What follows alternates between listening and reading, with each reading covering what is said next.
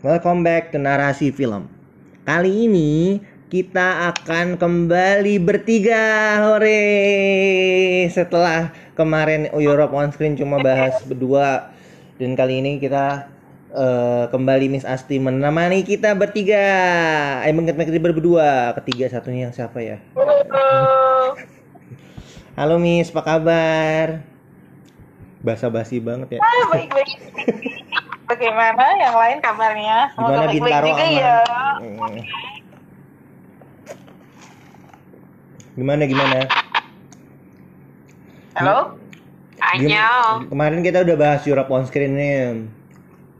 Hmm, mungkin sedikit aja ya. Sedikit kita kan mereka kan hari ini mau bahas satu film, tapi kita akan kita akan isi going aja dulu ngobrol-ngobrol dulu.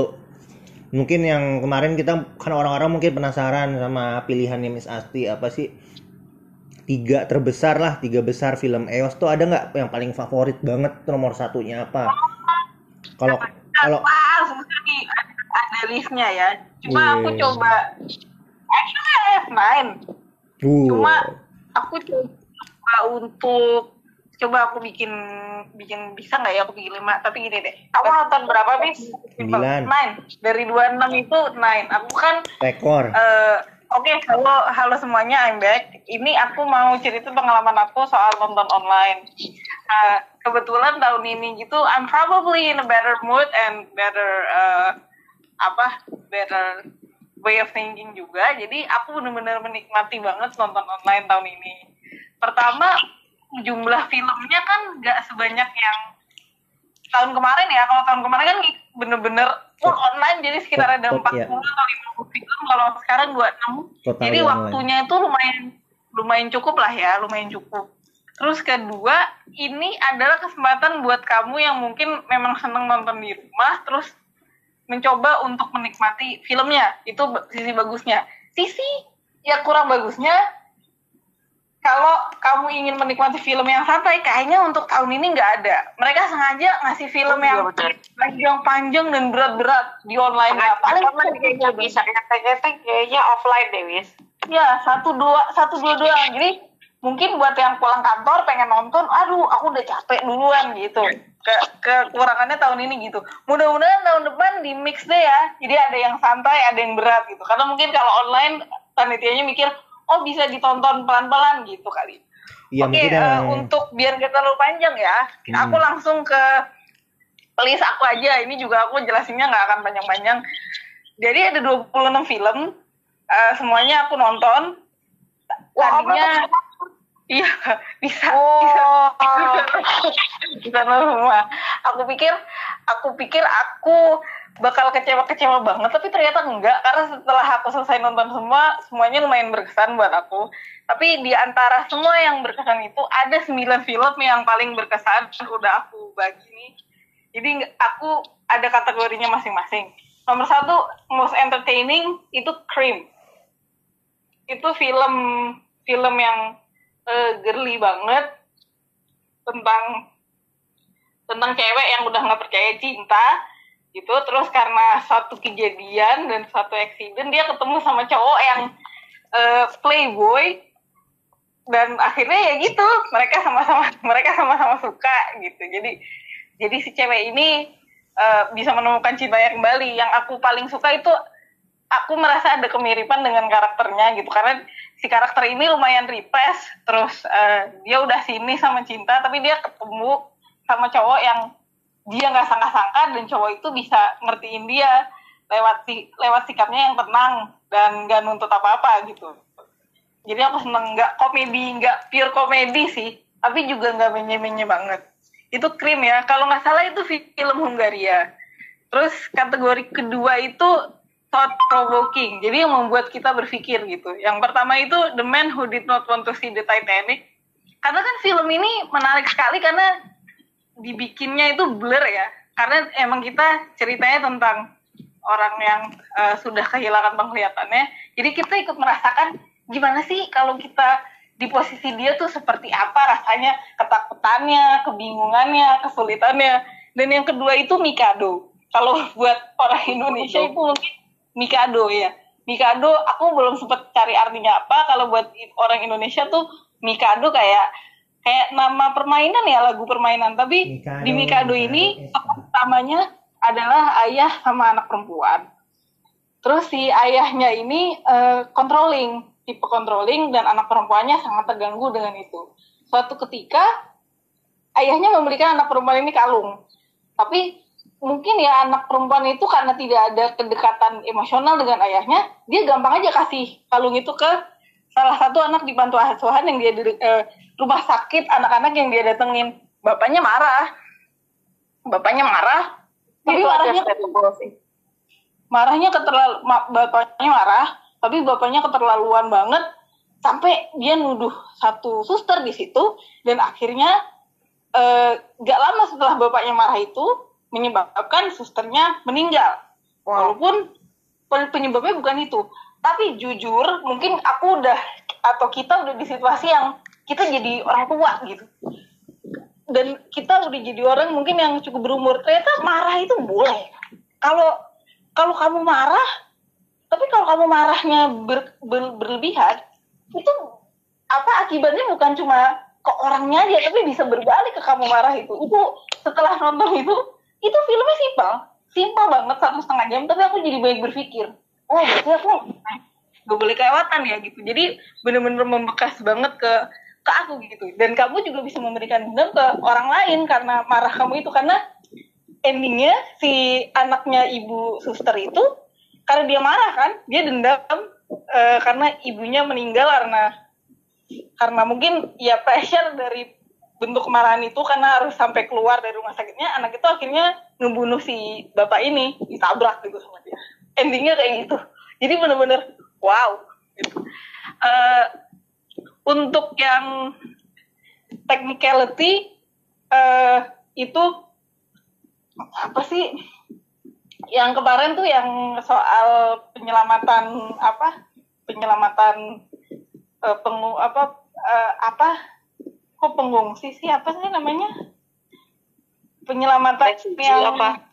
ya refugee penyelamatan penyelamatan refugee Mediteraneo itu aku nggak nggak sangka yang mereka yang mereka syuting cuma enam minggu di laut itu buat aku keren banget sih pengambilan gambarnya dan mereka bisa bikin seberani itu. Sama sama sama tebak dong tebak dong. Film yang Harvey film yang Harvey nonton itu. Tapi kata dia lama banget Servants aku suka banget sama technical itu ya Servants. Itu kayak langsung wow hitam putih. Rasanya tuh kayak film-film jadul gitu loh. Aku nggak nyangka mereka bikin ini di 2020 bener-bener kayak film jadul rasanya. Terus kayak ngingetin aku sama Scorsese eh, eh, silence-nya Martin Scorsese gitu. Kalau soal cerita menurut aku bisa lebih wow lagi gitu. Setuju. cuma aku bener-bener kagum banget sama pengambilan gambarnya yang presisi dan bagus dan bagus dan rapi dan eh pokoknya aku suka deh technical itu ya Servants honorable mentions-nya itu ada Lamif sama Reflections. Kalau Lamif itu bercerita tentang gadis-gadis remaja yang bermasalah. Itu ada beberapa tokoh di situ. Eh jadi kita kayak memahami gitu kenapa remaja bisa berbuat kenakalan atau apa kalau emang nggak dibimbing dengan baik.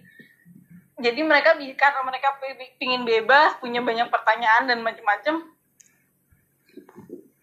perlu apa ya perlu diawasin gitu. Perlu ada pendidikan lebih buat mereka. Habis itu reflections itu aku nggak nyangka kalau aku bakal suka film ini. Ini tentang eh, jurnalis yang jadi tahanan perang terus dia mencoba memperbaiki hubungannya sama anak dan istrinya walaupun dia lagi kena PTSD filmnya nggak terlalu gimana gimana cuma aku suka aja Film mana ini, Riz? Hah? Film mana ini? Reflections filmnya Reflections ini film hmm, aku suka aja sama Ya, alurnya film mana? Film mana? film Uk- Ukraina kalau nggak salah Ukraina film Ukraina terus yang ini yang jeleknya ya sekarang yang aku paling nggak suka dan aku kan pernah bilang aku mau nonton The Step Room deh. Aku jujur ternyata aku paling gak suka sama film itu. Padahal film ini ceritanya di sekolah tentang guru konseling. Tapi aku nggak tahu film ini arahnya ke mana. Mau dokumenter apa mau film? Jadi itu bercerita tentang kehidupannya dia sebagai guru konseling yang sangat memusingkan di sekolah. Tapi nggak karena masalahnya banyak banget kita nggak ngerti masalah mana yang mau diselesaikan dulu. Memang durasinya kelamaan juga atau gimana? Iya. betul kelamaan juga. It's realistic I know. Di sekolah tuh ribetnya kayak gitu. Tapi kalau kamu mau bikin kayak gitu jangan bikin film. Bikin aja dokumenter menurut aku. Sama yang terakhir yang most disappointing pasti A Taste of Hunger. Karena udah mereka udah pasang itu sebagai opening film kan dan bintang besar oh iya kok ceritanya begini doang gitu kan beneran Nikolai. biasa aja kan aku juga udah punya ekspektasi tinggi Iya, biasa aja ceritanya tuh kayak ini ini ke mana sih? Ini kok cuma jadi 30 menit dari film itu pada saat mereka kenalan karakternya Nikolai Coster, Coster-Waldau kan namanya Karsten sama istrinya Maggie itu 30 menit itu exciting banget Jadi, bagaimana Nikolai Coster-Waldau be- main di EOS ada berapa film? satu satu itu A Taste of Hunger itu. Jadi Oh. pertama 30 menit pertama tuh exciting banget. Tapi habis itu kayak bagaimana mereka ber- bertemu terus gimana mereka berusaha mewujudkan mimpinya. Karena kan si karakter Karsten ini dia chef chef Iron Chef gitulah kita kebayangin Gordon Ramsay tapi lebih down sedikit kayak gitu. Terus istrinya berusaha dukung dia gitu tapi si sutradaranya sayangnya tidak bisa membangun cerita di eh, satu jam selanjutnya. Jadi kayak flat aja gitu. Sayang banget jadi most disappointing buat aku itu. Tapi so far men- menurut kamu eh, Nikolai Coster-Waldau-nya mampu ya secara akting? mampu dua-duanya mampu. Di dua orang itu mampu untuk membawa film ini lebih lagi. Sampai ke peran anak-anaknya juga bagus gitu jadi it's very very disappointing but after all it's an enjoyable experience for me gitu gitu sih Oke. sekian review iOS online thank you Makasih Filmnya yang sama kita pernah tonton cuma satu ya. Apaan? Kita. Man Who Did Not Want to See the Titanic. Hmm. Itu aja ya sama. Oh iya tadi ngomongin Servant emang apa ya nggak lama sih maksudnya nggak lama cuma pace-nya aja sih terlalu nggak ngerti aku terlalu muter-muter atau gimana. Terus eh, Black and White ini udah sering banget filmnya si kalau kita nonton EOS 4 tahun 3 tahun yang lalu terakhir kali offline itu filmnya Hmm. Paweł Pawlikowski yang judulnya apa? Aduh dari Polandia. Dia pernah menang Oscar filmnya Cold War Cold War Cold War dari Rusia ya dari Polandia. Cold War yang film tentang so, apa romance tapi Poland Friends. Si Ira nggak suka tuh filmnya. Tahun tahun tahun 40 sampai tahun 6 yang Cold War yang kita nonton di Erasmus itu kan black and white juga kan? Oh nggak inget aku, aku bahkan nggak inget berarti Memang ada beberapa, emang ada beberapa sutradara Eropa yang emang ciri khasnya emang black and white sih, Mas. Mungkin ya kita tahu lah bermuaranya ke mana, ke bapak kucingku, bapak Ingmar Bergman. Bapak ini Gimana gimana? Oke. Eh, kebayangnya Ingmar kan ganteng gitu kan? Ya kita ada kucing cupu. Oke kita eh, kalau aku kalau kalau coba kalau Miss Asti tadi nomor nomor satu satu banget berarti ya yang berarti personal favornya yang mana Miss kalau aku kan personal favor dulu aku dulu ya kalau aku personal favor kemarin kan no walaupun no itu di MDB ratingnya cuma 6,5 tapi entah kenapa absurd aku butuh film yang absurd tahun ini nggak tahu kenapa kayak kadang film yang absurd itu bisa nge- bisa ngebuat orang yang lagi males kayak procrastinating itu jadi pengen nonton gitu nggak sih? Kayak penasaran gini mau kebawa ke mana nih film mau gitu gitu. Gitu mungkin itu yang paling berkesan dan walaupun emang aku mungkin berbeda dari orang-orang banyak sih. Kalau kalau kalau kalau Tira kalau misalnya sama Man Ira Who apa Did ya? Not Want to See the Titanic. cuma itu doang filmnya Eh ya kebetulan begitu kisahnya. kalau Miss Asti tadi gitu ya apa apa apa tadi yang paling berkesan Mikado. yang paling nempel Pikado ya Iya, paling nempel. Pikado. oke kita gini aja karena ini podcastnya ini khusus EOS kita move aja ke podcast selanjutnya oke kita bicara hal-hal yang Tapi ya eh, daripada takut semoga ya tahun depan kita bisa punya banyak lebih waktu dan bisa ketemu EOS lagi. bisa ketemu lagi semoga offline. bulan April lah ya bulan bulan maksudnya lebih awal bulan. April Mei balik lagi lah ke, ke semoga nggak ada bentrok sama uas semoga aku dari wisuda Amin, amin, amin, amin. Oke, thank you for listening guys. We move on to the next. gitu. Hah? What? Iya, so far gitu. Ya konklusinya silakan. apa-apa, udah. Mungkin bahasa bahasa penutupnya akan dimudahkan oleh Mbak Ira. Silakan. Buat tadi kan udah, jadi intinya gitu sih maksudnya berharap tahun depan bisa lebih prepare lagi sama EOS dan lebih bisa nonton offline lebih banyak itu sih karena kemarin offline gak kejar, online gak kejar kayak ya gitulah maksudnya ya emang kita unpredictable things happen.